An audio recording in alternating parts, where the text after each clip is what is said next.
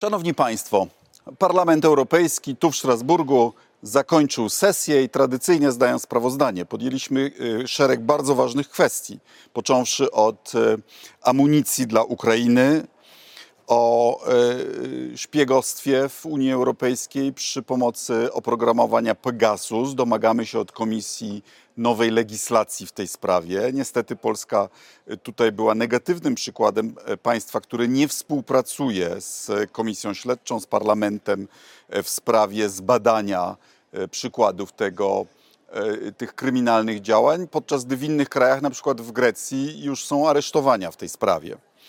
Em, Podjęliśmy y, przepisy zmniejszające zanieczyszczenia powietrza przez ciężarówki i autobusy.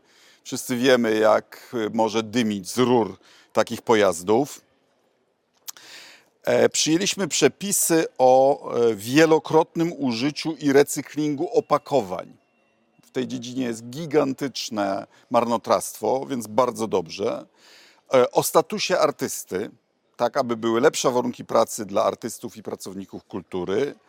I wreszcie, aby y, przedmioty, które kupujemy, można było naprawiać. Aby nie były one projektowane po to, żeby y, działały przez 2-3 lata, a potem się już nieodwracalnie psuły. Po to, żeby były części zamienne, żeby to, co kupujemy, było solidnie, trwało, służyło nam wiele lat z pożytkiem i dla nas, naszych budżetów, y, i dla środowiska.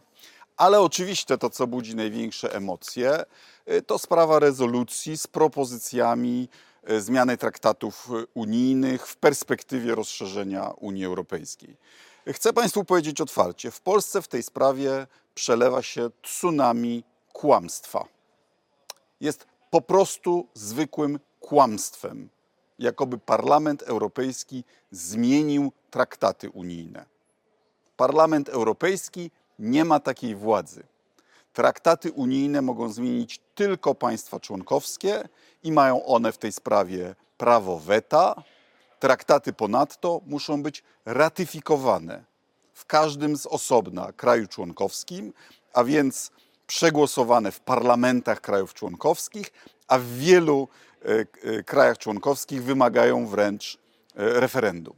Więc nic jeszcze się nie zmieniło, tylko Komisja do Spraw e, Konstytucyjnych Parlamentu Europejskiego, a teraz Parlament niewielką większością głosów przegłosowała pomysły, które nawet nie muszą być podstawą do dyskusji na ten temat, bo to Rada, czyli rządy państw członkowskich uruchamiają proces zmiany traktatów. My, jako delegacja polska w grupie EPP, głosowaliśmy przeciw, bo nie dano nam wystarczającego czasu na przeanalizowanie tych pomysłów. E, Są tam pomysły, które oczywiście y, będą kontrowersyjne. E, Tym najbardziej kontrowersyjnym jest to, aby w niektórych dziedzinach odejść od zasady jednomyślności, odejść od prawa weta ale tym bardziej zaci- zacietrzewionym przedstawicielom e, środowisk e, antyeuropejskich chciałbym zadać proste pytanie.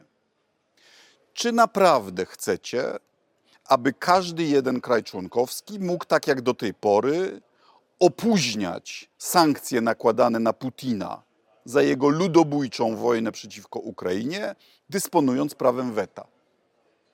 Czy też może lepiej by było, tak jak sugerują te zmiany, żeby to się odbywało większością czwa- czterech piątych głosów?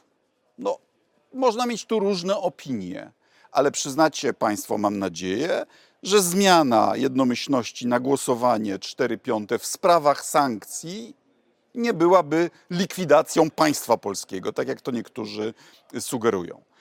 Y, Tam są propozycje, y, niektóre uważamy za daleko idące, inne do rozważenia. Jedno jest pewne, że zacietrzewienie ideologiczne utrudnia myślenie.